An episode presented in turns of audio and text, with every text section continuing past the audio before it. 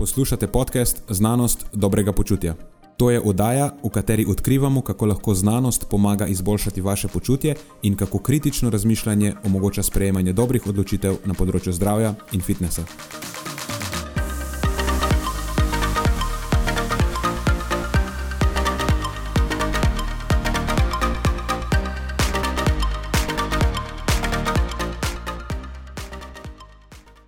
Preden začnemo, pa se moram zahvaliti še našim sponzorjem.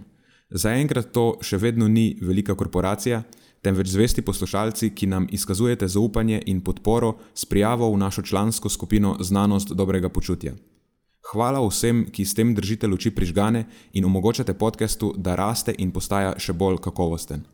Hvala tudi vsem, ki nas podpirate s pozitivnimi komentarji in visokimi ocenami, ter s tem, da priporočate podcast svojim znancem in prijateljem. Zdaj pa je končno čas za začetek epizode. Uživajte ob poslušanju.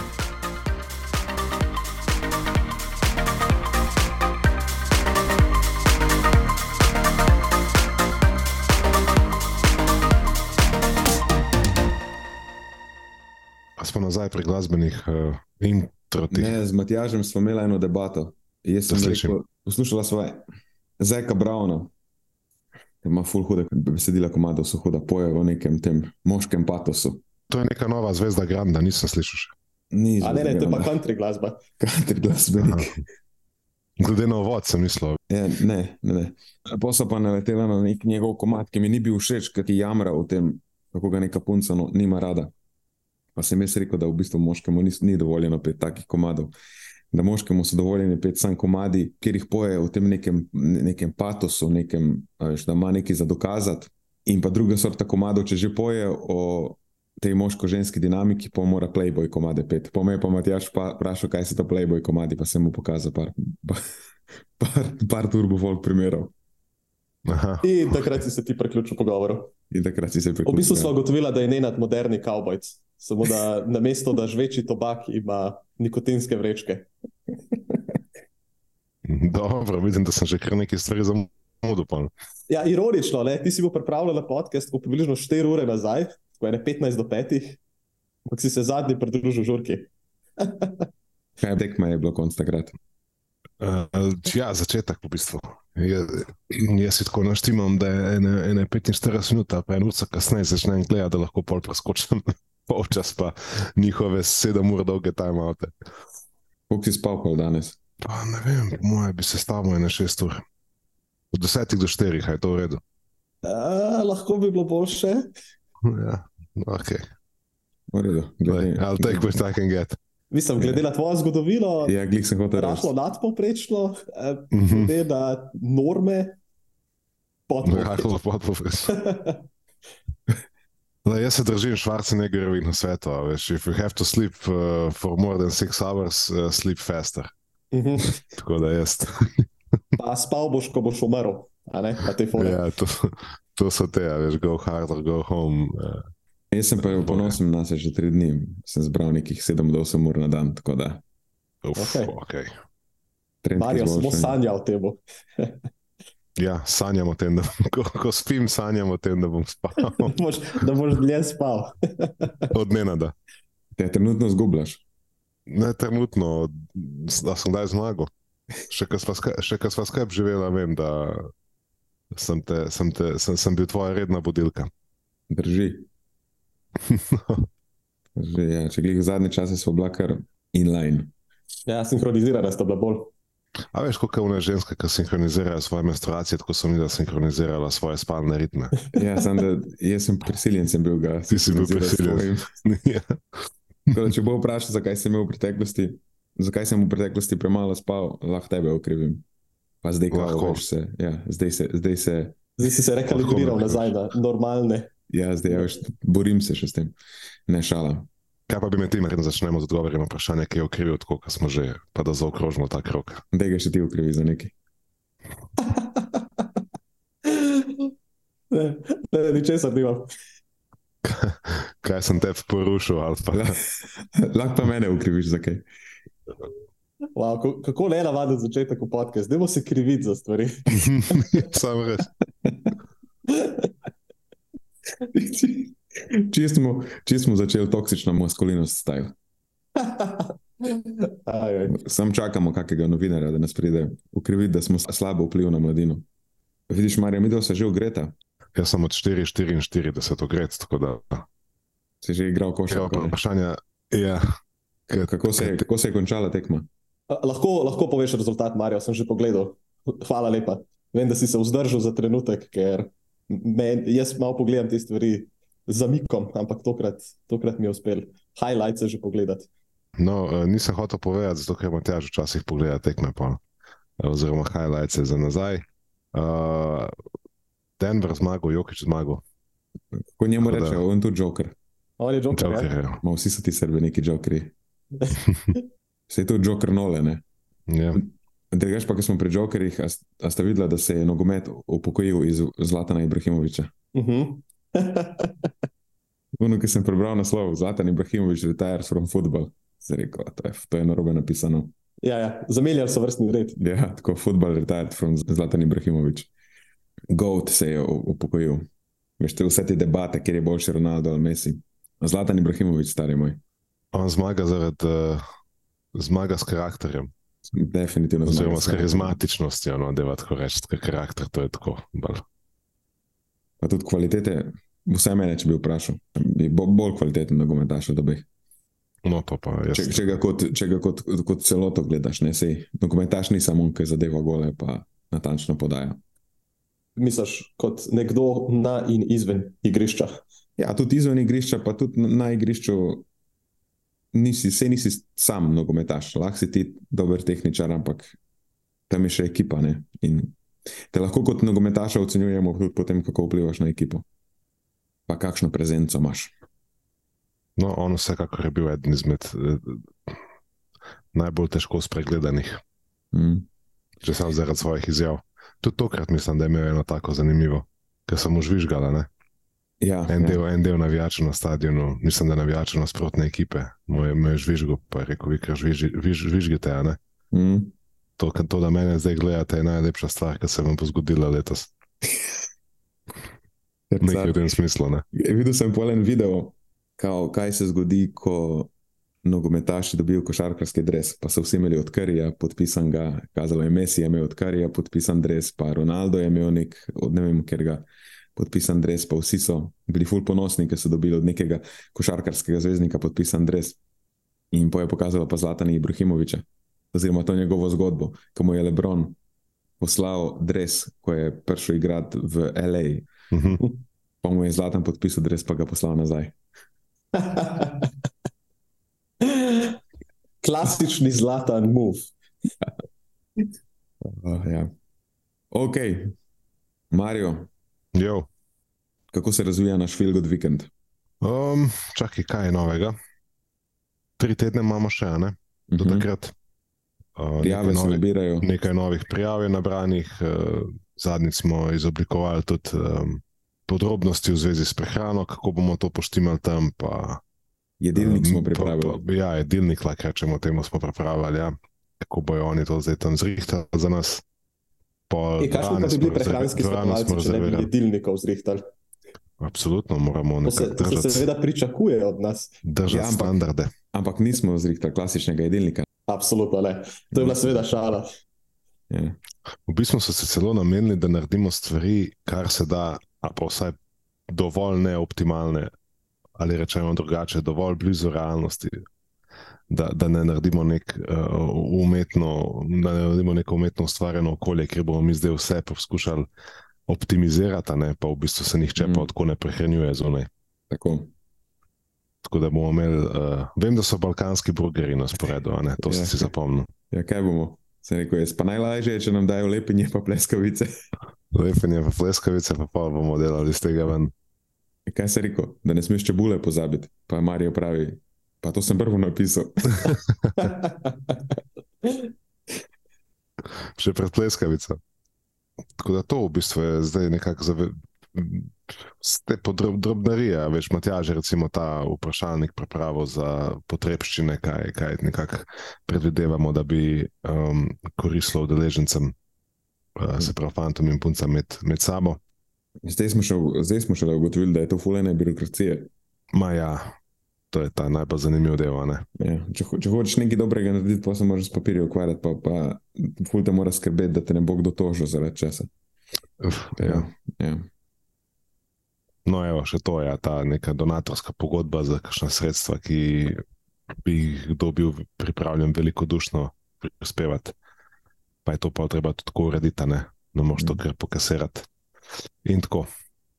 Treba reči. hitro, če se hoče kdo še prijaviti, prijavite te svoje otroke. Ja, vsekakor. Dih je še nekaj mest, no, ko se tako imamo tam nekje med, smo rekli 20 pa 30, pa zdaj smo glih tam na spodnji meji tega, tako da nekaj, je, za nekaj imen je še prostora, ja, da, da, da pridemo. Več kot 30 pa v nobenem primeru ne bomo tokrat sprejeli, še posebej glede na to, da je prvič, pa da bi Mhm. radi imeli stvari pod kontrolo. Če zadnji sem nekomu rekel, da jih ne planiramo 30 pelat, pa se je prijel za glavo. Je rekel, koliko so stari? Ja, vsej, hvala Bogu, bo tudi nas dovolj tam, pa dobro, nekako ja. imamo dober plan.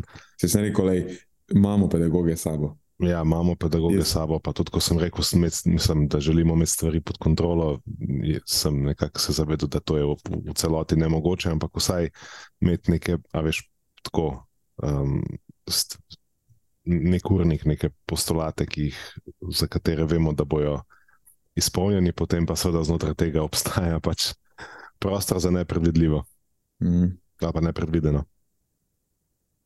Ja, tako nismo mi edini trije, ko gremo tja, da ne bo pomote. Imamo ja. Pedagoge, imamo animatorje, imamo pedagoge in animatorje v enem, trenerje itd. Tako da smo kar podkrepljena ekipa. Ja, Ja. Smo, smo sorted. Ne? Tako, Ja, moram res reči, da nekaj trenerjev uh, in tistih, ki delajo na področju vadbe in prehrane, se je ponudilo um, sodelovati, prispevati, priti zraven. Tako da na koncu smo mogli malo ročno potegniti, ker če ne bi nas bilo več uh, trenerjev in kako pa udeležencev. Ampak zdaj smo nekako, mislim, da je kar dobro popolnjeni. ja, to, to pa ni več podobno. To je Ja. tako, da imaš koncert, pa je več ljudi na odru, kot pa Kot pa je. Ja, Tako, to to ne pa, deluje zadeva. V glavnem, uspodbudno vse skupaj. ja, res je. V redu, fanta. Zadnjič nam je ostalo nekaj vprašanj, tako da lahko kar nadaljujemo. Ti veš, eh, ti imaš seznam, a ne, oziroma jaz Tako je. Ja, ne vem, kje smo bomo- končali. No, evo, bomo šli to, kar je kaj je ostalo. naslednje? Slednje je eno zelo zanimivo vprašanje, ki bo, lahko bomo kar nadaljevali v tem eh, družbeno koristnem duhu. Uh -huh. bomo naslovili eno temo, ki je med mladino aktualna trenutno. Vprašanje gre tako. Ej, ekipa, mene zanima, če bi bili pripravljeni kaj povedati na temo cigarete versus vape. Zdaj ogromno mladine vleče te vape, misleč, da niso toliko škodljivi kot čiki. A se spomnite, ko smo bili, to več ni vprašanje, Uh -huh. na, na koncertu Saša Matiča takrat. Uh -huh. Ja, Uniče furi so vsi vlekli te e-cigarete. ja, večinoma so bile čefurke. Res je. Sorry. Ampak ne vem, kako se, se reče limki.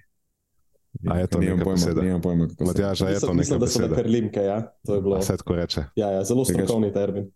Drugač, preden, kaj oni drugi so pa gaseri, ali kako je? Gaseri. Mi smo gaseri, kao. Ne, preden, se kdo, preden bo kdo preveč užaljen, da prihranite si to. Mi vsi, mi vsi trije smo čefuri, tako da lahko uporabljamo to besedo.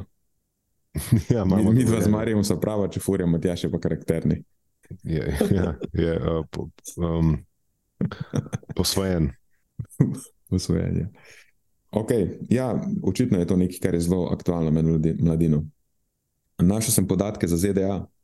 V letih med 2011 do 2015 tam beležijo za več kot 900 odstotkov povišana- povišanje porabe oziroma rabe e-cigaret med mladino. Srednješolci, pa tudi osnovnošolci, pazite. Pol me je pa zanimalo, če obstajajo kakšni slovenski podatki, in dejansko obstajajo slovenski podatki. Bila je upravljena ena raziskava, ki se ji reče Z zdravjem povezano vedenje v šolskem letu 2020, kao na reprezentativnem vzorcu učencev 9. razreda in dijakov 4. letnika. In so ugotovili, da je elektronske cigarete poskusilo 13 odstotkov učencev 9. razreda in 25 odstotkov dijakov četrtega letnika. Polje pa še kategorija novih tobačnih izdelkov, v katerih se tobak segreva, 4 odstotke učencev 9. razreda in 11 odstotkov dijakov četrtega letnika.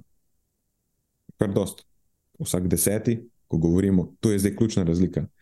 Ker vprašanje se sicer dotika vejpa, ampak mislim, da je, so bile mišljene e-cigarete, ker vejp pa e-cigarete niso ista stvar. Uh -huh. Te novi tobačni izdelki, v katerih se tobak segreva, to je vejp. To je vejp je v bistvu naprava, v kateri daš tobak, da ti pržge ta tobak. Sam lepše zgleda, ni neke drastične razlike med navadnimi cigaretami in vejpom, v bistvu, bi jaz rekel. Uh -huh. Uh, torej, vsak deseti, pravzaprav, dijak vejpa, vsak četrti pa je ne da uporablja, ampak je vse uporabo že kdaj elektronsko cigareto. Ker elektronske cigarete so, so te stvari, ki so zanimive. Jaz nisem videl tam, recimo na koncertu, da bi kdo vejpo, ampak so vsi Mhm. imeli te elektronske cigarete. Ker, ker pri vejpu, pa pri navadnih cigaretah se grevaš tobak, pa se proizvaja dim, pa vdihavaš ta dim, dočim te e-cigarete, tam imaš pa, to je taka visokotehnološka rešitev, rečemo temu. Ker imaš to e-cigareto z neko baterijo in ta segreva tekočino, ki je v tem, um, angliško je cartridge, kako se temu reče, pač neka bombica s to tekočino je in ta tekočina vsebuje nikotin in potem se proizvaja para, ki je, ki je nosilec tega nikotina in potem v bistvu gre za neko alternativno sredstvo za rabo nikotina, kjer uh, vnašaš nikotin prek vdihanih aerosolov. In, in doskrat potem ta tekočina, oziroma mogoče celo praviloma, vsebuje tudi neke arome, da to vse skupaj diši. V bistvu ne smrdi, ne, ne smrdijo ti roke, pa ne smrdi ti sapa. Se mi zdi, da je to, da je to ključna razlika. In zdaj, zakaj je zadeva mladostnikom privlačna? Že, po mojem, že samo zaradi tega, ker te razne arome, zdaj, ki ti kadiš tam neko vaniljevo češnjo, a veš, zdaj samo to zmanjša zaznavanje škodljivosti. Tudi dim je doskrat blag, zdaj imaš že izdelke, ki skoraj ne proizvajajo dima. Noben sploh ne ve, ti tam vlečeš neki USB ključek, no, vsi, noben ne ve, kaj se v bistvu točno dogaja. La- Lahko med poukom. Sej, zadnjič je bil en prispevek po TV-ju, ki je neka učiteljica opisovala, da, da folk kar med poukom veš, to vleče. In na začetku, kao ni vedela, kaj se dogaja, dokler ni ugotovila, da uporablja elektronsko cigareto. Plus to, da pol imaš, to je neka zdaj, veš, nova tehnologija, v modi je zanimiv izdelek. Je. Bi rekel, da je tudi to mladini privlačno. Mhm. Po drugi strani pa je pol tudi vse skupaj družbeno bolj sprejemljivo. Sploh če v kombinaciji s tem, da vsi mislijo, da to ni škodljivo, sploh.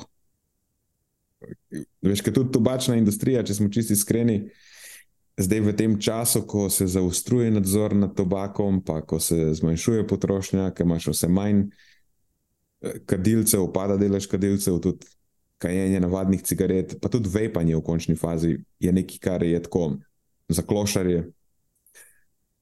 Mm, tudi ta tobačna industrija se je ful potrudila prikazati e-cigarete kot neko alternativo. V bistvu sam ponavljajo zgodbo. Tako kot so zanikali za cigarete 50 let, da so škodljive, ne, se tudi zdravniki kadijo. Mislim, da zdaj sam probajo ponoviti zgodbo s temi e-cigaretami, upajoč, da to ne bo vplivalo na njihov bottom line preveč. Tako da zdaj čakamo oglase, kako bojo zdravniki vejpali. Ja, se je vprašanje, če v Ameriki že niso. Drugač, če, se, če, če- če gremo čisto na vprašanje našega poslušalca, specifično zanimalo, kakšna je zdaj dejansko razlika, so res te stvari manj škodljive. Mm, prva stvar je, da pač te stvari še zmeraj vsebujejo nikotin. Ne?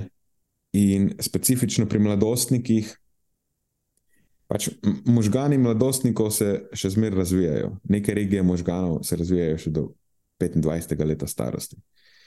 In če si v tem obdobju izpostavljen kjerkoli potencialno adiktivni, eh, kako je slovenska beseda, potencialno zasvojljivi substanci, to lahko privede do trajnih organizacijskih sprememb v možganih, lahko lah tudi rečeš škodljivih. In te so povezane z neugodnimi učinki na miselne sposobnosti, na motnje v delovnem spominu, pozornost, razpoloženje. So podatki tudi, da se poveča impulzivnost, verjetno tudi tesnobnost. Tako da, gledaj, že sam zaradi tega ne moš reči, da, to, da, da, je pa, da je to čisto varno. Ker to so vse spremembe, ki na koncu bodo vplivali v odrasli dobi, ne samo na kakovost življenja, ampak verjetno tudi na tvojo produktivnost in tako naprej. V bistvu se dela neka družbena škoda, celo. ne samo škoda na posamezniku, ne, ampak če govoriš o, o, o, o generaciji, ki, v kateri je velik delež uporabnikov teh stvari, pa ne, velik delež mladostnikov, ki rabi neke psihoaktivne snovi, ne moreš glih reči, da je to dobra prognoza. Drugač pa konkretno za nikotin so kar dobri podatki za to, da mlajši kot je posameznik ob začetku uporabe nikotina, bolj verjetno je, da bo postal zasvojen. In bolj bo zasvojen, težje, težje se bo losal te zadeve. Plus še, še, še en minus je teh e-cigaret. V to e-cigareto lahko stisneš kar nekaj nikotina.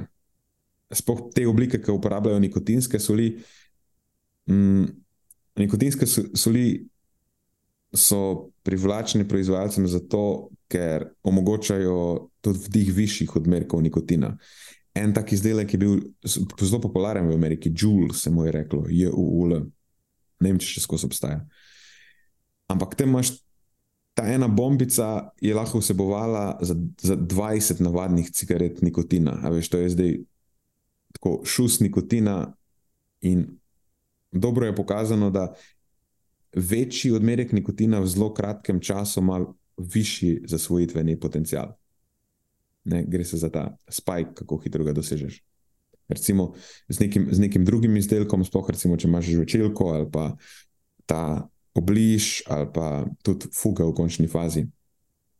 Ne pride do takega spajka. No. Vse, tukaj ga vdihneš, dobro se na 20 cigaret vdihneš. Ne? Mislim, se ne naenkrat, ampak se veš, ve, veš, kaj hočem reči. Te e-cigarete so, kar se tega tiče, lahko zelo bolj problematične, bi, bi lahko bile. Čeprav, pol, ko pa greš gledat, kot, če greš malo v članke pobrskati, je, da zaenkrat ni nekih zelo takih obsojajočih deming podatkov, ki bi rekli, da so pa e-cigarete bolj zasvojljive kot, kot navadni cigareti.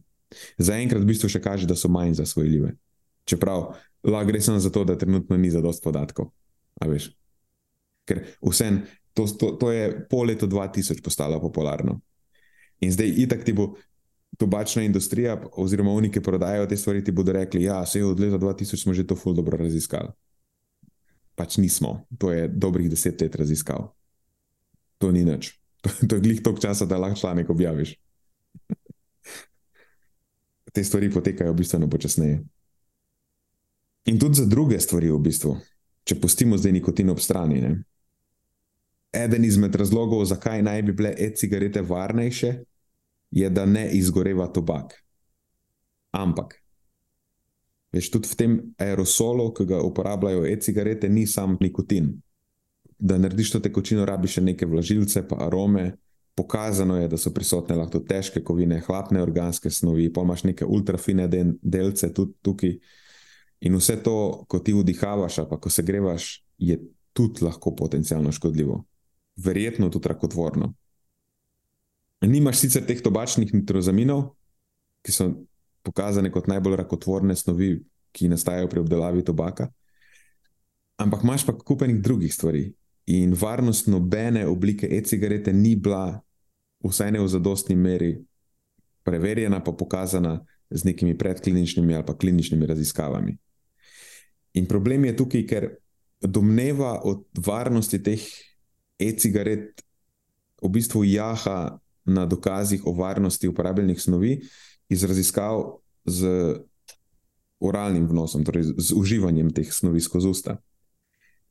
In nekatere snovi so lahko povsem varne, če jih zaužiješ, so pa lahko smrtno nevarne, če jih vdihneš. In čist možno je, da enako velja za določene snovi v tekočinah, za e-cigarete. So kao varne, na podlagi raziskav, ki so preverjali njihovo varnost ob zaužitju, ampak ne vemo, če so varne tudi ob vdihovanju. In nažalost, vse kaže, da niso vedno. Ne vem, če se spomnite, ampak leta 2019 je bil tisti znam primer, ko je folk začel zbolevati. Dobil je neko pljučnico čudno, ki je noben ni znal pojasniti.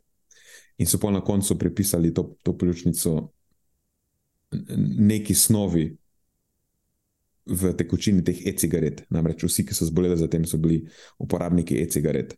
In eh, to stanje so potem poimenovali, angliška je kratica E-Valley, E-V-A-L-I. Po slovensko je to akutna poškodba pljuč, ki je posledica vdihovanja. In nekaj ljudi je celo umrlo zaradi tega. Tako da zaenkrat res ne moreš narediti primera, da, da je ta stvar kakorkoli uh, varna, pa posebno, posebno bolj varna kot navadne cigarete. Čist zlahka pričakuješ, da se bo v prihodnosti pokazalo, da je še kakšna snov, ki je uporabljena v teh tekočinah, podobno, enako ali pa celo bolj škodljiva. Kot, kot, kot stvari, ki so drugače v cigaretah. Ker, veš, lahko se vprašaš, zakaj so tako dolgo skrivali škodljivost cigaret. Ja, enostavno zato, ker moraš kaditi 20 let, 20 čikov na dan, da si kumulativno izpostavljen takemu bremenu, da se to potem izrazi z, z nekim stanjem, pa z boleznijo, ki, da to potem lahko v raziskavi pokažeš. In Bog ve, kakšno je dejansko breme kajenja e-cigaret na respiratorni sistem. To je nekaj, kar bomo mogoče ugotovili šele čez 20 ali pa 30 let. Tako da ne vem, veš, tudi, to, to breme je lahko tudi večje kot pri navadnih cigaretah, ampak realno ne vem. Ne vemo. Ok, zdaj, če to povežeš malo skrb, kar si povedal, je, da so e-cigarete nekaj drugega kot pa uh, vape da je to vepanje bolj podobno kajenju navadnih cigaret in da so e-cigarete v bistvu malo drugačen način, drugačna oblika aplikacije nikotina. Temu nikotinu so v obliki e-cigaret dodane neke arome in druge snovi, ki se lahko izkažejo, ali pa so se že do neke mere izkazale kot enako ali celo bolj problematične. Mhm. Um, kaj pa, omenil si nikotin, ne? razen tega, da prej kot nekdo v življenju začne z eksperimentiranjem, večja je verjetnost, da se bo navlekel kasneje, ali pa da mhm. bo ta um, odvisnost postala vedno močnejša, lahko tudi prešla na neke druge stvari. Kaj pa recimo v odraslosti, in če govorimo o tem, da nekdo aplicira nikotin, ne z cigaretami, kjer so te stvari dodane zraven, ampak recimo z neko drugo obliko, zdaj so eh, fuge v različnih jakostih na voljo. Uh, kaj pa recimo, imam v ustih? No, okay. kaj, pa, kaj, pa recimo tu, kaj pa recimo tu, če govoriš o neki dolgoročnejši uporabi nekega že odraslega posameznika, a so to tukaj um, kakšne druge snovi, poleg, ki so lahko sporne, kaj pa v tem primeru. A imamo kakšne podatke o dolgoročnem tveganju. Mm. A po učinkih nasploh. Okay. Torej, v bistvu nikotin je glavno vprašanje. Bela fuga, ker recimo, ki vsebuje sintetični nikotin, vsebuje praktično samo nikotin, skoraj naš drugega, razen um, umetnih sladil, ne, ki so še bolj škodljiva kot cigarete. ne, to je šala, bog ne da. Um, ja, zdaj, Doskrat kdo misli, da je nikotin glaven problem v cigaretih, ampak ni. Mislim, nikotin sam po sebi ni rakotvoren sploh. Problem cigaret je druge. Nikotin samo naredi to, da se ti navadiš na cigarete. Nikotin je, ima velik zasvojitveni potencial. In tudi nikotin pokazano lahko ukrepi neko vedenje. Pokazano je tudi, da recimo že samo kajenje cigaret samo po sebi, to, da ti prežgeš, pa sploh če zvijaš, pa uh, lahko vzbuja nek občutek uh, ugodja. Tako da v bistvu je na nek način pokazano, zdaj če to malo tako karikiram, da je že kajenje samo po sebi lahko zasvojljivo. Tako kot recimo je lahko zasvojljivo več nakupovanje nekih čevljev. Ne, ni, ni tehnično, to ni glih zasvojenost, lahko pa se oblikujejo neke navade, ki so zasvojenosti podobne. Ampak ja, nikotin je tisti, ki pol naredi celo stvar zelo zasvojljivo, ker je zasvojljiva substanca. Ni, ni pa rakotvoren. V cigaretih imaš pol, ne vem, koliko je številka, nekaj tisoč potencialno škodljivih snovi in več, več deset teh snovi je tudi dokazano rakotvornih. So te, po angliško je tobacco specific nitrosamines, to so tobakovi nitrozamini, po slovensko se mi zdi. Mm, to je ta najpomembnejša skupina rakotvornih snovi v tobačnih izdelkih. In, in to nastaja tudi iz nikotina, pa iz rodnih snovi med procesom sušenja in predelave tobaka. Tako, to je samo, če imaš tobak noter. To, so, to se zgodi, ko te naravno prisotni alkaloidi v rastlinah pol reagirajo tudi z nitrati, ki so tam prisotni in nastajajo nitrozamini. In dva najbolj rakotvorna sta ta NNK, um, nikotinski nitrozamin keton, pa NNN, to je ponovadi se kratice uporabljajo, to je pa N-nitrozonor-nikotin. N-nitrozonor-nikotin. Ja to v, v delcih je prisotno tudi, bilo pokazano, lahko prisotno tudi v e-cigaretah, ne vem sicer zakaj, ampak so bili ugotovljeni, je bila ugotovljena prisotnost, mogoče je to bolj izjema kot pravilo. Ni pa tega, recimo, v fugi, kjer, ima spoh, kjer imaš sintetičen nikotin, kjer ta nikotin nikoli ni z nobenimi nitrati prišel v stik. Sploh. Kaj šele, da bi bil, bil a veš, v narekovajih staran ali pa predelan skupaj s tem. Mm, tako da nikotin sam po sebi je zasvojljiv, ni pa, ni pa rakotvoren. Je, je vela pa isto, veš, zdaj, če ti pri 15 začneš fugirati, veš, to ne bo glih najboljša prognoza. Ma, ma pa drugače, če te je to zanimalo, uh mhm. -huh. veš, nikotin ima neke biološke učinke, ki so lahko bolj ali manj privlačni. Ne vem, če bi jim lahko rekel, koristni ali pa škodljivi. Ne obstaja razlog, zakaj človek uporablja lahko nikotin, odrasel človek. Tudi ne samo v, v narekovajih slabe namene. Je pač neka snov z biološkimi učinki in zdaj narediš cost-benefit kalkulacijo. Recimo, lahko izboljša aspekte pozornosti. In to do neke mere na od odmerka odvisen način. Tako da v bistvu ga lahko uporabljaš za določen, izboljšanje določenih tipov performance. Po, mislim, imaš pokazan tudi anksiolitičen učinek, čeprav tukaj ne vem, glih, kako se naredi ta cost-benefit kalkulacija ker je bilo pa pokazano tudi, da izpostavljenost nikotinu v določenih pogojih, temu so rekli neprijetni pogoji, pa lahko poslabša simptome anksioznosti. Oziroma, tehnično se reče, da, da ukrepi anksioznost povzročajoče zaznavanje, to je anxiety inducing perception. Tako da tudi zna biti, da je odvisno v, v kakšnih okoliščinah ali pa v kakšnem stanju si, ko, ko rabiš nikotin. In najbrž v kakšnem odmerku. Ja, najbrž tudi je odvisno od odmerka. Eh, Pomaž enega neugodno učinek, recimo lahko tudi povišen krvni tlak. Vsaj kratkoročno je bilo pokazano, pokazano da lahko poviša krvni tlak. Čeprav dolgoročno sem videl tudi, da pa je povezan z nižjim krvnim tlakom. Mislim, da je bilo v eni raziskavi 15 mg po šestih mesecih, so imeli ljudje nižji krvni tlak. Nisem zihar, nisem glih šel deep dive v to. Um, sem pa polno naletel na eno zanimivo ugotovitev, ki je, da lahko nikotin inhibira aromatazo in to na biološko relevanten način. Eh, čeprav je tukaj učinek precej šibek, pa ponavadi pokazan in vitro, rekel v proveti. Eh, je bila pa ena raziskava na pavijanih, ki jo lahko rečemo in vivo. In ja, tam, tam je ta pokazan biološko relevanten učinek, v čist nekih normalnih odmerkih. Um, pa tudi opazovalno je, načeloma imajo kadilci više ravni testosterona. Ne? Aromataza je v bistvu tista, ki nekaj, jih skrbi za pretvorbo um, testosterona v, v estrogen. Tako da bi lahko bilo na ta račun. Čeprav pa spet po drugi strani je pokazan tudi učinek na supresijo proizvodnje testosterona v testisih, ampak to je vprašanje, koliko je realno relevantno, to je večinoma in vitro samo. Uh, bi, rekel, bi rekel, da je v tem primeru inhibicija aromataze lahko močnejša, zato ker imajo kadilci višji testosteron, načeloma v obtoku, Pa še ena, en, ena to, to pa je tudi ne, nezanemrljivo. Ženske ki, ženske, ki kadijo, imajo više tveganje za stanje povezanja s pomankanjem estrogena.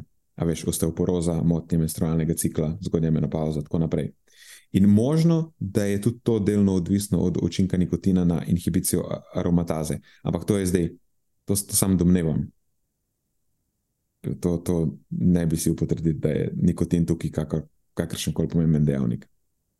Ker pol, doskrat to se upada s kajenjem in z drugimi stvarmi. Ok, tako da, če prav razumem, je tudi nikotin lahko smatran kot or orodje. Ja, pozabil, sem, pozabil sem še eno pomembno stvar, fanta. To, kar naše poslušalce najbrž še bolj zanima. Da je v bistvu nikotin, mislim, kako sem lahko to pozabil, se to je v končni fazi ena izmed najpomembnejših funkcij nikotina, da povzroča izločanje adrenalina pa noradrenalina. Ta dva delujeta na adrenoreceptorje beta in to načeloma stimulira presnovo pospeši utrip srca, poveča porabo kisika, sproža lipolizo, termogenezo v maščevju in skeletnih mišicah. Torej, nikotin je mogoče blag fat burner z dokaj dobro pokazanim učinkom. Mislim, da je 1 do 2 mg nikotina, kar je precej nizka doza, in to je povezano s 3 do 5 odstotkov višjo presnovno stopnjo. To je merjeno z indirektno kalorimetrijo ni tako, ni od odmerka odvisen učinek, ne pomeni, da zdaj če 20 mg reči ali pa vdihneš, da bo pa pol do 30 odstotkov više uh, presnovna stopnja, ne bo. Nekak ceiling, to je strop. Nad 2 mg, to je vse, kar rabiš. Eh, plus to, da je učinek močnejši v kombinaciji s kofeinom in, in spet ni od odmerka odvisen učinek, ampak je tam 50 do 100 mg. Torej. Kava in en čik ali pa slab obliž, ali pa slaba fuga. Je pa res, da tudi to je, ni, ni veliko dobrih raziskav na tem področju. Subjektivno se takoj lahko občuti, ne? najbrž uh, ta učinek. Um, to, kar zdaj govoriš, na, na, na, na, na spremenjeno počutje. Mhm. Ampak uh, to omenil si mi, da ne vedno samo v pozitivnem smislu, glede na to, da lahko pospeši peristaltiko. Mm -hmm. Ja, tudi to. Ne, je to lahko potem tudi ena neošečnost, ki za nekatere, ki imajo morda težave z želodcem, to pol. Ja. Je pa kar se tega tiče, mislim, da imajo eh, kadilci nižje tveganje, kot koli paradoksalno se to sliši za določene vnetne bolezni, tudi prebavil, ampak ne velja za vse. Mislim, da recimo za ulcerativni kolitis velja, zdaj to bolj na pamet govorim, ne velja pa recimo za kronovo bolezen. Ker po drugi strani veš pa tudi, da imajo kadilci povišeno tveganje za nekatere, eh, ne, mislim, kronične bolezni, tako ali tako, ampak tudi za nekatere vnetne bolezni. Uh -huh. um, je pa specifično nikotin ima protivnetni učinek. Veš, aktivacija nikotinskih acetilkoholinskih receptorjev na maščobnih in na imunskih celicah je, je, je povezana s protivnetnimi učinki, lahko tudi supresira imunski sistem. Tako da v bistvu nikotin sam po sebi na nek način, ne vem, če lahko rečeš, ampak lahko bi mu rekel, da pomaga uravnavati vnetne procese. Bolj v tej smeri je, ne v obratni. Tako da, kot smo rekli prej, neko orodje oziroma pripomoček katerega učinki bodo močno vezani na kontekst svoje uporabe. Ne, v neki ja. situaciji, yeah. tako kot kava oziroma kofein, če ti žlampaš to kavo, zato ker ne hočeš zamaskirati ali pa zakriti neke druge luknje v tvojem življenjskem slogu. Po to nek drug kontekst, kot pa če spiješ kot dedico kave pred predavanjem ali treningom, oziroma telovadbo, da malo ne, dvigneš ravni svojega počutja, energije, razpoloženja fokusa. Um, in pri nikotinu, če prav razumem, bo spet podobno. Ne? Spet je neka snov z biološkim učinkom, Tako, ki, ki, posnema, ki posnema delovanje neke molekule, ki je na rekovajih naravno prisotna v telesu, podobno kot kofein, a veš, posnema adenozin. Tukaj pač nikotin na nek način, če to čisto karikiraš, posnema acetilholin. cet, ne, nikotinski receptor, se reče, zato ker so odkrili, da se nikotin veže na. Uh, telo ne proizvaja nikotina, ne? zakaj mu pa rečete nikotinski receptor? ja, zato ker je bil pač nikotin uporabljen, da so nekako na začetku ugotovili, kaj to sploh je, pa kako deluje. Tako da je snov, ki ima neke biološke učinke in zdaj moš pretehtati. Eni so lahko pogodni v nekaterih situacijah, imaš pa tudi lahko neugodne. Sploh za določen delež populacije, ne? odvisno v kakšnem stanju si. Nič, jaz ga bom uporabljal kot, uh, kot fat burner in pa takrat, ko bom zaprt na mesto donata, da spodbudim peristaltiko. Pa za izboljšanje aspektov pozornosti.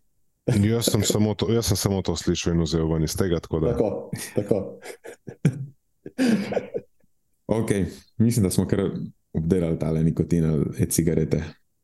Torej, gremo dalje. Uh -huh. Imamo še eno zanimivo vprašanje. Tako je vprašanje. Leaky gut syndrome. Bullshit ali dejanski problem, ki ga ozdravi le specifična dieta, kot trdijo razni svetovalci? Bom predal zdaj najprej enemu od vaju besedo. Matjaš, nisi se še uspel nič razgovoriti, tako da mogoče lahko odpreš. Razgovoriti? Eh. Marijo, mi smo imeli celo debato, preden si se pridružil. A ja, to sem res. Mislim, A, on the record.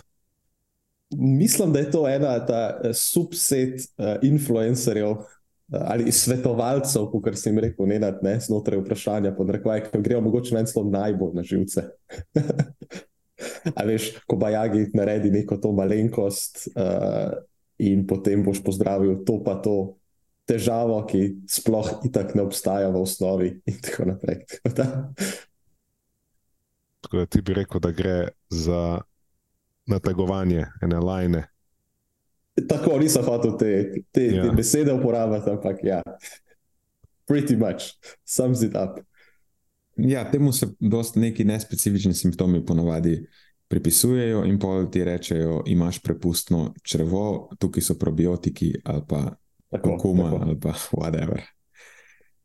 Um, Mislim, imaš cele protokole, ki jih nekateri uh, specialisti funkcionalne medicine pod navednicami predpisujejo, ki grejo lahko v stotine in stotine, če ne celo tisoče evrov za razne teste, um, ki se jih seveda mimo neke, um, nekega zdravstva upravlja in tudi potem interpretira malo po svoje, oziroma kako koli že. Um, želim samo predstaviti, kako te stvari ponovadi potekajo v sferi teh, ki jim je Matjaž rekel, svetovalci. Uh, tako da to je nekaj, kar bo, lej, lahko govorimo svoje izkušnje v tem primeru, tvoj podcast. Je, jaz imam pač, recimo, želodec je ena izmed mojih številnih ahilovih peta, recimo, da imam več. Tako da moj želodec... je, kot ena sto noga, veš. Ja, jaz, imam, jaz, ja, ja, jaz sem sto noga, imam sto pet in želodec je ena izmed teh pet. Se pravi, da um, ima nek svoj način delovanja, ki ga je še v vseh teh letih nisem uspel poštekati, kdaj mu kaj ne paše, kdaj mu paše.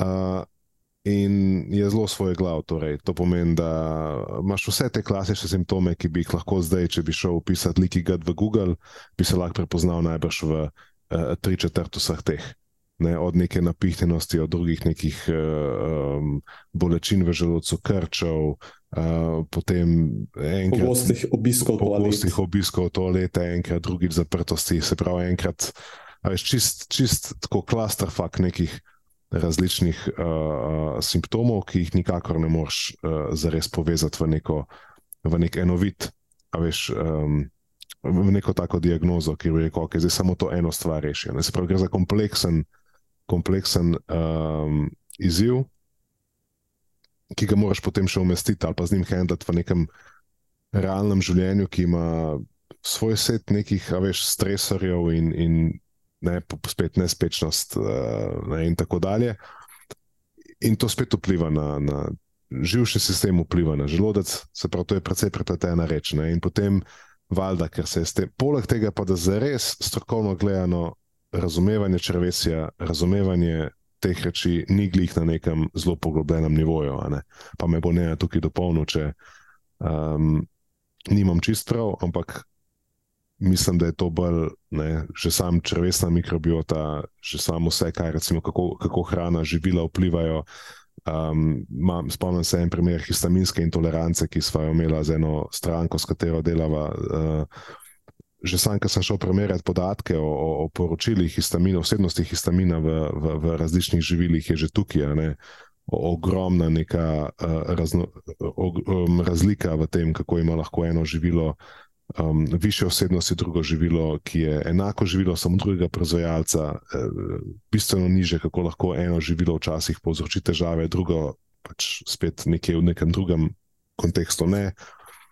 Fulje, fulje enih uh, težav to zavezati skupaj v neko smiselno uh, celoto, da bi se nekdo sploh počutil, da ima vsaj približno kontrolo nad tem stanjem, da lahko z njim nekako sobiva, da ga šteka, da, da, da, da ni glih konstantno v nekem stresu in nervozi in paniki, kaj se bo zdaj zgodilo, ko bo nekaj pojedel ali pa ne bo pojedel. Ne. In valjda, ker je to težko. Zahteva veliko pozornosti, zahteva veliko sodelovalnosti, zahteva veliko ponižnosti, tudi z vidika komunikacije, uh, odgovorne komunikacije, recimo svetovalca. Um, ljudje ponavadi pač začnejo obupavati, preden občutijo neke res um, vidne spremembe. In evo, potem pač imamo to, kar imamo znotraj naše branže, da se ponuja zelo preproščene rešitve v smislu protokolov, dopolnil, ali pa celo nekih eliminacij, kar mi gre pa najbolj na živce. Mislim, meni gre pa to najbolj na živce, Matjaž, ne? da se, uh, seveda, če ti nekomu rečeš, da je stran nečne izdelke, da je stran žita, da je stran to, da je stran tisto, da je stran 27 stvari svoje prehrane, pejti na neko verzijo uh, popolnoma čistunske diete, po možnosti, da je stran vse oblike vlaknin, fermentabilnih vlaknin, ne, balkane, stročnice, da je stran, polno zrnate stvari, da je stran, vse neko smiče, da je stran. Se pravi, da je stran vse, kar ima neke vlaknine in kar potem pač fermentira in lahko povzroča vetrove. Če si anoreksičen, boš ponavadi imel manj prebavnih simptomov. Ja. Dokler ne ješ. Dokler ne ješ. Ne. Ko pa začneš spet nazaj jesti, boš pa spet nazaj imel. Ne. In zakaj pravim, da mi gre to na živce, ker je v bistvu iluzija. Tako kot low carberi uporabljajo to iluzijo manipulacije z vodo kot uh, neko zgodbo, uh, s katero podpirajo svojo hipotezo, da je LCHF bolj učinkovit za hujšanje, ne na kratek rok, ker pač zgubiš vodo, tako mi grejo tukaj na živce enake poskusi, ker pač nekomu daš tri četrt stvari stran, daš ga neko low FODMAP dieto. In seveda se v tistem trenutku počuti bolje, ne boli ga več želodec, ni več tako napihnjen, stvari se malo normalizirajo, ko je ne pač dal iz svoje prehrane praktično cel kupenih skupin živil in živil, za katere vemo, da imajo pozitivne vplive na zdravje na dolgi rok in dolgoživost. Um, in kaj pol? Ne, kaj zdaj boš tako jedel, zdaj bo tvoja prehrana pač tako, ne vem, korenček zelena, malo riža kuhanega, piščanče prsi, um, brez pač ne vem, milijon stvari, ki jih v osnovi imaš rad, pa ki bi jih se lahko z nekim bolj poglobljenim, premišljenim, strokovnim pristopom dalo najti način, kako, jih, kako jih vključevati v prehrano, dobiti zdravstvene koristi, pa menedžirati negativne posledice na drugi strani. Ampak to zahteva znanje, to zahteva trud, to zahteva delo, to zahteva čas. In je pač lažje reči nekomu, da tukaj imaš probiotike, tukaj imaš vem, cel, cel, cel, celo vojsko nekih dopolnil na eni strani, na drugi strani tri četrt stvari iz prehrane, da je ven in se ustvari iluzija, da stvar funkcionira, v nekaj dneh že se lahko počutiš bolje, uh, in potem valjda, ker je to dolgoročno neuzdržno, te pač ti pod navednicami svetovalci pač znajo potem skrit krit, ko začneš dvigovati roko in ponujati pritožbe. Češ, kaj pa zdaj, jaz bi pa tudi kaj drugega pojedel, ali pa kaj bom zdaj do konca life jedel te probiotike. Ja, oni so zdaj pač zgodbo končali, ne pobasal cache in pač jaz sem ti rekel, kaj je dedi, da ti pomaga, zdaj če ti pač hočeš živeti svoje življenje, potem prevzami odgovornost. In, in bod anoreksičen, ortoreksičen ja, še naprej. Ja, in me pač e, probleme še naprej. Ja, ker efektivno, kar delajo, je, da uravnavajo prebavne simptome s tem, da uspodbujajo ortoreksiji in anoreksiji podobno vedenje. No, pod črto je to nekako potem to. Ne. In um, v enem stavku bi bilo mogoče to tudi eno, eno, eno usmeritev, ne, da ko nekdo začne razlagati o tem, kako bo z nekimi dopolnili ali pa z nekimi prehranskimi posebnimi strategijami pomagal tebi uh, popraviti pod navednicami poškodovano črvo in simptome napihnjenosti in želočnih težav, uh, je to zelo očiten znak, da uh, se prijazno zahvališ in uh, obrneš v drugo smer. Ker tudi ni nekih dobrih dokazov, da je prepustno črevo kakršen koli problem pri zdravih ljudeh. Pri zdravih ljudeh je to prepustno črevo bolj hipotetično stanje, rečemo temu. Veš, sej, vsako funkcionalno črevo je prepustno. Če, če ne bi bilo prepustno, ne bi mogli absorbirati ničesar, kar zaužiješ. Vprašanje je samo, do katere mere je prepustno. Ali prepušča to, kar mora, ali pa prepušča še kaj drugega, kar pač ni najbolj ugodno, oziroma nekaj, kar načeloma ne bi smelo preiti črvesne sluznice. In so določena stanja, pri katerih lahko pride do motene funkcije črvesne sluznice, in posledično temu rečemo, da je prekomerno, prekomerna prepustnost, prepustnost črvesja. To. Ja, lahko temu rečemo prepustno črevo, ampak, a veš, kdaj se to zgodi? Pri kroničnih boleznih črvesja, pri vnetni črvesni bolezni, uh, bolezni jeter, pol imaš, ja, itak neke vnetne in avtoimunske bolezni. Ampak še bolj pogosto se mi pa zdi, da je to, ko uporabljaš kakšna zdravila, ki lahko poškodujejo črvo, ali pa recimo sploh pri obsevanjih. Pa mogoče, če si alkoholik, ne vem z alkoholom nisem zihar v, v, v visokih odmerkih, ampak mogoče tudi alkohol je pokazano, da lahko poškoduje črvesno sluznico. Mm, in tukaj pride do moten v delovanju črvesne barijere, in to je možno zmeriti. Veš, obstajajo objektivni markerji, ravni produktov črvesnih bakterij v obtoku, markerji vnetja. Če nič od tega nimaš, če ni pokazano z objektivnimi markerji, potem si lahko zelo siguren, da tvoj problem ni prepustno črevo. Sploh pa, če nimaš nobenega kroničnega stanja. Hipoteza sicer je, da bi lahko tudi stres, pa slaba prehrana čez daljše obdobje oslabila črvesno sluznico, ampak za to ni nobenih dobrih dokazov. S tem stresom se tako vse povsod opleta, in po na koncu ugotovimo, da nikjer ni pomemben zelo dejavnik, eh, sploh ne sam po sebi. In tudi tukaj je tako, da prepustno črevo je načeloma pridružen simptom in nastane kot posledica neke underlying, a smo že ugotovili slovensko besedo, nismo.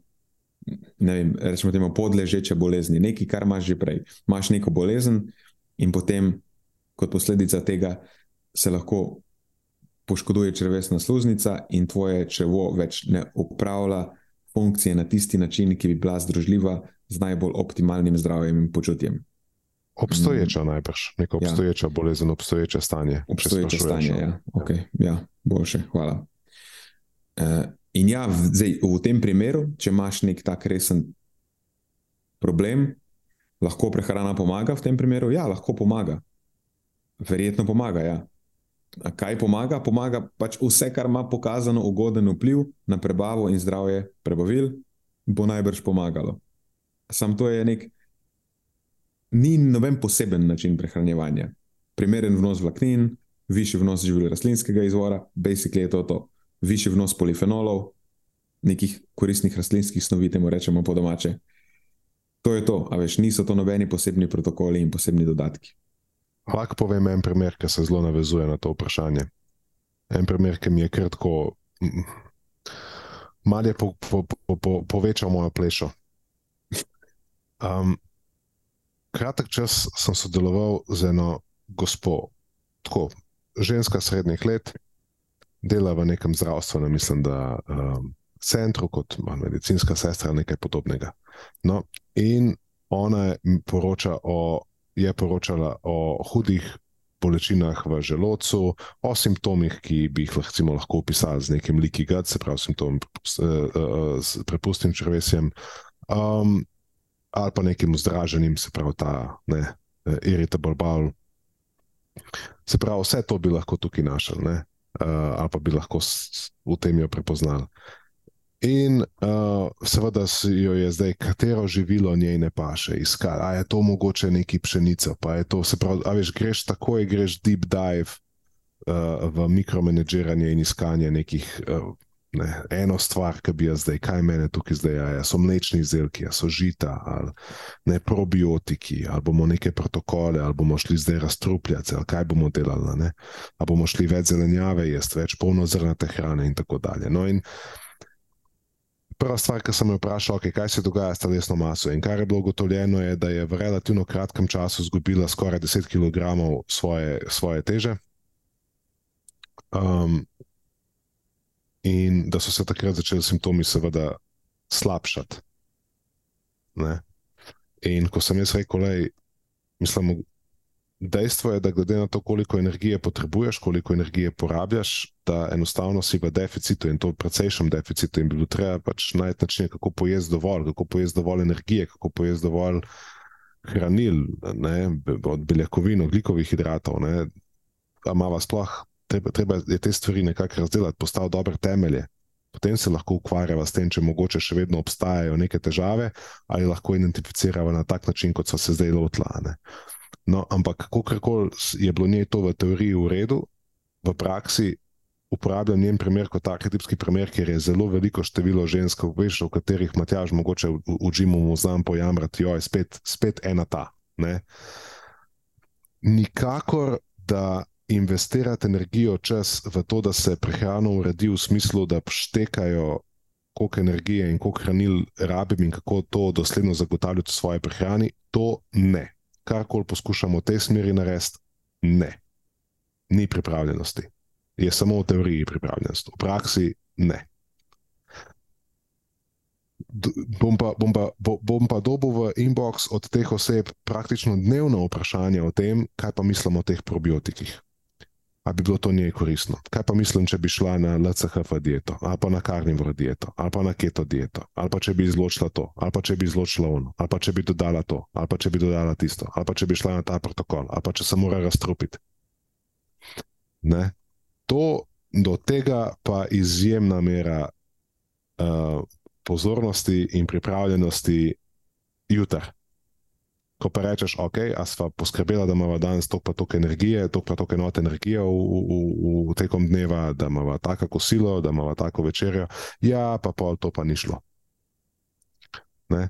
Se pravi, kar sem hotel s tem primerom nekako prikazati, je, da ko se pogovarjamo o črevesu, je zelo enostavno nekako iti v mikromanagiranje, iskanje rešitev v nekih uh, popolnoma nerelevantnih ali pa um, nekih um, metodah posebno stranskega pomena in zanemarjati pač to, kar je bistveno, to, o čem zdaj govoriš, na čem sploh naša prehrana temelji, ali imamo dovolj energije, koliko pač, smo sploh, a sploh štekamo, kaj se z našo prehrano v resnici dogaja. Ne?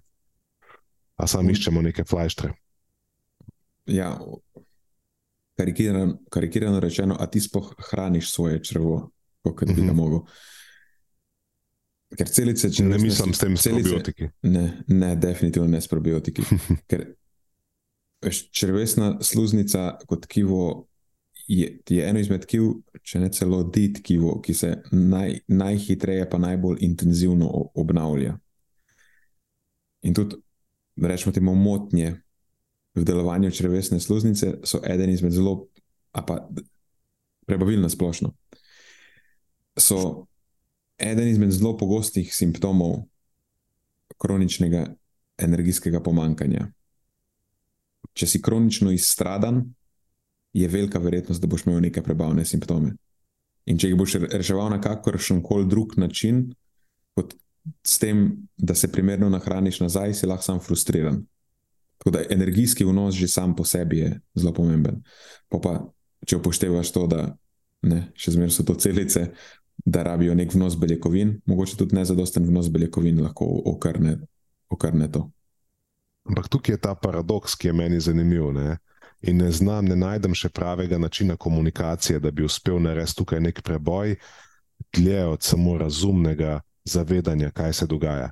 Ker ko predstaviš to, lej, že konstantno v zadnjih več letih si na nekih ciklih teh in drugačnih diet. V glavi imaš tako, diet on, all the time.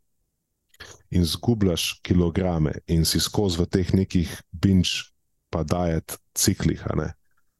Ali face hujšaš, pa pol ne dobiš nazaj. Pa. Tako v bistvu ti ne štima ta energetika, o kateri zdaj govoriš. In posledično prebava na ta račun trpi in je prebava slabša, in zato je simptomatika na tem naslovu ne, tudi posledično vedno slabša.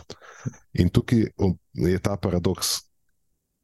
Rečeš jim, da morajo jesti več, da bo pač celo lahko tudi večji delež energije delegiralo za izboljšanje prebavne funkcije.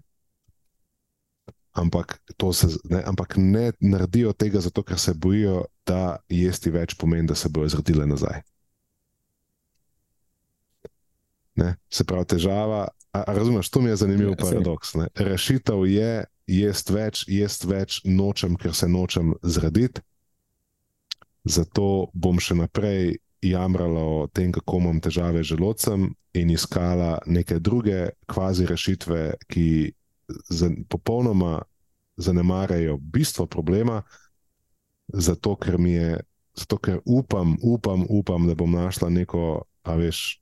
Aladinovo svetilko, ki mi bo ne izpolnila željo, da lahko rešim problem mojega, mo, moje, mojega želodca, moje prebave na način, da ne rabim. Rad bi rešil problem na način, ki ti problem povzroča. Tako. In to je ta zelo, zelo, zelo zanimiv paradoks. Ne? In nikako to je ta neka kultura dietiranja, ki je pri ženskah, se mi zdi, da je ugravirana v njihov DNK že. Doskrat to se opada tudi z povišeno stopnjo telesne dejavnosti, uh mhm. -huh. za katero pa prav tako vemo, da je breme uh Mhm. -huh. na prebavila. To bo Matjaž vedel, sploh pri športnikih. Že samo povečana stopnja telesne dejavnosti lahko okrne funkcijo prebavil. Zdaj pa ti imaš nekoga, ki njegova prehrana definitivno ne podpira stopnje njegove telesne dejavnosti. In imaš dejansko dva dejavnika tveganja: povečano stopnjo telesne dejavnosti, pa neprimerno prehrano in zdaj bo to meni rešil probiotik. Ne. Ja, pač nima kalorij. Ne? Kuriš svečo na, na dveh koncih, ne poskrbiš pa niti malo za to, da bi. In razen tega, da poskušaš to komunicirati na nek odgovoren način, pa pokazati, da je tukaj bistvo tvojega problema, s tem se moramo uh, soočiti. A, trajalo bo, ne bo šlo v enem mesecu, lahko da bo trajalo več mesecev, da se stvar popravi. Treba bo biti pri tem dosleden, rabo bomo tebe neko mero sodelovalnosti, ne morem na mesto tebe, se pravi, stvari, ki se jih zmenjava, da, da jih bo treba delati, jih pač moraš potem. Spraviti, moramo najti načine, kako jih bomo spravili v prakso. Tukaj ti lahko pomagamo, vse to, pač ja, ki imamo, vse se strinjamo, potem pa stvar enostavno razpade, že takoj, ko zapustijo pisarno ali pa grejo v svoj life, ker čim grejo v svoj life, tako imajo iste strahove, ne, s katerimi se soočajo. In to je, da pač, če pojem več, to pomeni, da se bom zredila ne, in pač zrediti se nočem in raje vzdržujem neko ne, razboljeno, napihnjeno telo, ki vsaj ima neke uh, ne, proporcije. Čeprav je, veš, to je. To je, to je Vsaj nekaj, kar lahko dam na Instagram, ker na Instagramu tako, se itak tako. ne vidi, da grem 500 krat na dan na WC, pa da me poldneva ja, boli želodec. Ja. Čeprav tako, ta, tako lahko rečemo, ne, ne, ne zdravo telo v resnici pač ni privlačno v tem širšem smislu, ne mislim samo vizualno, ampak tudi, veš, ne, ne moreš oddajati neke energije, ki je privlačna, ki je pozitivna, ki je. Ne, uh, Se imaš filter? Tist, ja, no. Se daš filter gor. Ja, daš filter gor, to je že. No, pač tukaj, imam, tukaj, tukaj, tukaj vidim precejšen izziv. Okay, se, to ne pomeni, da se moraš nujno zrediti za 10 kg, to ne pomeni, da zdaj moraš postati uh, ne, debela oseba, da ti bo prebava delala uh, bolje. Ampak mogoče ja, pa bo to pomenilo, da ne bo več 62, ampak bo pokazal čez 3 mesece 63, pa pol ljuba Marija, pa sej, mislim, a veš, ja in. Ja, mislim, to je ta neracionalen strah pred številko. Čisto možno, čist možno da boš na 63, pa pol zgledal ful boljši. Zgledal boljši. In vse to je to, ne, Posku, le, ni, ni, ne gre za številko na tehnici, lahko da se boš pač pri neki, ne, pri neki telesni uh, sestavi pač počutil bolje, več energije bo za telesno dejavnost, uh, ne, več. Vse to je jasno. Koga, koga, se, koga briga v končni fazi? Ko, koga sploh briga, kako, kako zgledaš, če se ne počutiš v redu? Tako čisto realno. Tudi, če govorimo samo specifično za, za, za žensko publiko v tem primeru, ker opažamo, da je to pogosteje problem pri, pri ženskah. Če samo za to govorimo. Ja, tem, če ja, kjerkoli od nas vprašaš, pa zdaj lahko se ti slepiš, da je važno, da si sebi všeč, pa vsi vemo, da to ni res. Če kjerkoli od nas vprašaš, kakšna punca ti je bolj všeč, una, ki je veš, ful dobro zgleda, ali una, s, katero ti je fajn biti, zato ker je zabavna tudi na druge načine, a veš, ki si rekel, tako kot si rekel, odseva to energijo, tudi če ima kilogram preveč. Nedvomno ti bom rekel, da, da je ta energija, pa tvoje dobro počutje, pa kako se jaz počutim v tvoji družbi, pomembnejše kot to, kako izgledaš. Pa se gre tudi za ta vizual, vse razumem, da je tudi to Ja, nekaj, mislim, ampak vse vseeno je. Sam ne moreš veš, a je- vsega, ne moreš vsega žrtvovati za to. Tako ni smiselno na, noben, na, na nobeni ravni, ni smiselno. Kdaj, Vse- mislim, nisi za v izložbo. Tako, mislim, tukaj, tukaj vidim, da je pol, od tukaj izvirajo težave, ko govorimo o, o tem črvesju. Mogoče smo mislili, šli, šli zdaj malo preveč stran od tega vprašanja, ampak zdaj, zdi se mi, zdelo se mi je pomembno zapovedati. No, mogoče pač kdo to posluša, ki bo rekel: šitne, pač to je krog, v katerem se jaz vrtim. In, če bi zaključil z eno stvarjo, bi zaključil s tem. Če se ne misliš, ali pa če ne zmoriš v tem trenutku, enostavno nimaš te energije, pozornosti, časa, denarja, česar koli že, da, da se zares ukvarjaš s tem, da zares nameniš temu pozornost. Pol bi, bi, bi pozval tako osebo, ki to pri sebi prepozna, da to pusti primer. Čist primer. Prešpari ta cache za probiotike, prešpari ta cache za protokole, prešpari ta cache za dopolnila, prešpari ta cache za razne svetovalce, prešpari sebi energijo, čas in voljo za sploh ukvarjanje s tem, in raje to nameni čemu drugemu. Ej, drugač pa, se vse veš, da smo imeli že več takih primerov. Ko si rešil primer, primer tako, da si prisilil, ne vem, če lahko pravim besedo, prisilil ni bila glih čist prisila, ker je bilo consensual, Uh -huh. ampak ko si se zmenil z varovancem, da se neha s tem ukvarjati in se začne ukvarjati z nečim drugim, in si po nesreči rešil ta problem. Ker je tukaj, sploh ko govorimo o pre, prebavilih, vpliv psihosomatike tako velik, da je doskrat, bolj se ukvarjaš s tem, večje probleme si delaš. In pol preusmeriš pozornost na nekaj drugega, bistveno pomembnejšega, in po nesreči rešiš problem s prebavo. Zato sem nekako tudi to hotel tako. Po zapakirati, prsti no. ene roke ti ne bi bili zadosti, Ja, da bi preštel te primere, ki so jih imela. Tudi vsak posameznik od naj, kaj še če jih dava skupaj. ja. Ker se doskrat so kakšni resni, uh, ne v ozadju, ali neke intolerance, ali neke stvari, ki jih je treba zrihtati, ampak Vedno si imel diagnosticirano to, ko je bilo. tako. In tudi vedno je pomagalo to, o čemer zdaj govoriš, ko pač uspeš pozornost, a ne mal, uspeš zumirati na vzven, jaz tem rečem, ne, da si pač tok zumin v to, da vidiš samo še to in ne vidiš nič drugega. In, in vsako odločitev potem samo skozi to filtriraš, kaj bom jedel, kako se bom pa počutil, o, zihar me bo želodec bolel. Um, in um, Ja, prvič te mogoče bo, ker, ker še zmeraj se sekiraš. Ja, in, in tudi potem, če se ne, recimo, se še vedno lahko pojavi bolečina, lahko se pojavi vem, ta prehoden občutek unet, un- unetega, razboljenega želodca, napihnjenosti. Ampak tvoj odziv na to je potem tisti, ki bo, ok, pač, da fakt, vse sem vedel, da se bo to, am ne, mislim, gremo dalje. Ne, se pravi, ne, ne bom dovolil, da me to zdaj spet potre. In to, to, to je v vsakem primeru koristno. In v mnogih primerih, kot praviš, pa lahko celo v celoti um, popravi situacijo. Ja, mislim, ne bo iz danes na jutri. Parkrat te bo bolel pač želodec, pa ne boš znal pojasniti. Ampak ja, tukaj zdaj smo že na, skoraj smo v UU. Uh -huh. Vse so to samo anekdote. Imaš ti kakšno Matjaž za dodati? Hmm, ne, v bistvu si me lih eh, prehitel za trenutek. Nenad. Uh, rekel si, Marijo, da je tako modus operandi takih posameznikov, da zelo radi mikromanedžirajo. Uh -huh. Ampak ja, to ni nekaj, ki se spet anegdotično pri njih ponavadi ne prenese samo na prehrano, ampak na življenje na splošno. In, in ja, tako kot ste rekli, veš, takoj pri, pri teh, uh, mislim, če kaj opažamo pri teh težavah s črvesjem, je, da bolj kot se stresiraš okrog tega, bolj kot se ukvarjaš s tem problemom, bolj izraziti so ponovadi simptomi. Tako da eh, mogoče se pač nehaš toliko sekirati okrog tega, čeprav vem, da zna biti to zelo uh, zahtevno, sploh če to pomeni, ne vem, da greš XY krat na stranišče na dan in, in podobno. Ne. Ja. Pač takrat spustiš ta nikotinski obliž, pa eh, dvojno Mogoče. travo, a Ja. ne. Pustiš peristaltiko pustiš peristaltik. Gremo dalje na naslednje vprašanje, preden ena do uh, popusti uh, fuga. Ne, veš, kaj po moje, mislim, da lahko zaokrožimo mi to epizodo. Sicer nismo prišli daleč, dve vprašanji, ampak mislim, da smo kar dobro odgovorili na te dve, pa si ostale, ki vidim, da naslednjo je spet. Aha, A je uh, can of worms, ali kako se Ja, reče? ja, spet je Ken of Worms, ker, ker za naslednjo bi spet rabilo vsaj pol ure. Um, Ampak to je dobro, veš, to pomeni, da daš enkrat, recimo, daš na Instagram, uh, dobiš deset vprašanj in imaš za celo sezono kaj za početi. lej, nisem spremenil mnenja od prejšnje epizode, Imaš raton, ne? Jaz sem to. Tako da lahko nam komod še naprej polnite naš seznam vprašanj, mi bomo sem šli po vrsti. Še zmeraj velja ista ponudba v direct messages, na mail, kamorkoli pošiljajte nam vaša vprašanja, mi bomo polnili seznam in sem šli po vrsti. Vsem, ki vas pa slučajno mika, uh, poslati kakšno vprašanje, uh, ki ga imate zdaj v mislih, pa bi tudi radi, da ga na podkastu se dotaknemo, obdelamo, razdelamo. Uh, na ful predolgo, kot vidite, da znamo.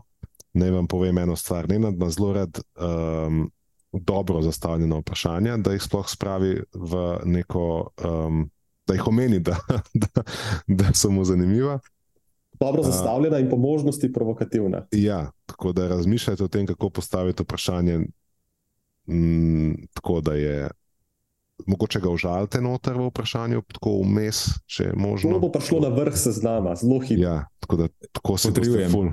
Ja, tako dajte mu malo reči, da ne vem. Tako, pa, pa postavite, pa, pa dobro ga definirajte. Ne. Recimo to v zvezi s temi e-cigaretami je bilo recimo zanimivo, aktualno, relevantno. Din manjkal mi je, noben te ni nič užalil. Lej, to je. Če me užališ ali pa kakorkoli drugače sprovociraš, pol niti ne rabi biti dobro zastavljeno. Ja, pol bomo obde- obdelali. V redu je, dal ga bomo na vrh seznama in bomo šli.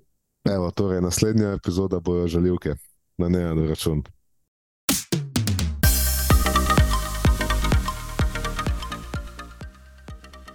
To je za tokrat vse iz naše strani. Hvala, ker ste poslušali do konca. Delite epizodo s svojimi znanci in prijatelji in jo priporočajte dalje, saj s tem omogočite, da sporočilo znanost dobrega počutja doseže čim večjo množico. Hvala vsem, ki nas podpirate s članarino in tudi vsem ostalim, ki delite podcast dalje in nam izkazujete naklonjenost z visokimi ocenami in pozitivnimi komentarji. Se slišimo prihodnjič, do takrat pa ostanite premišljeni.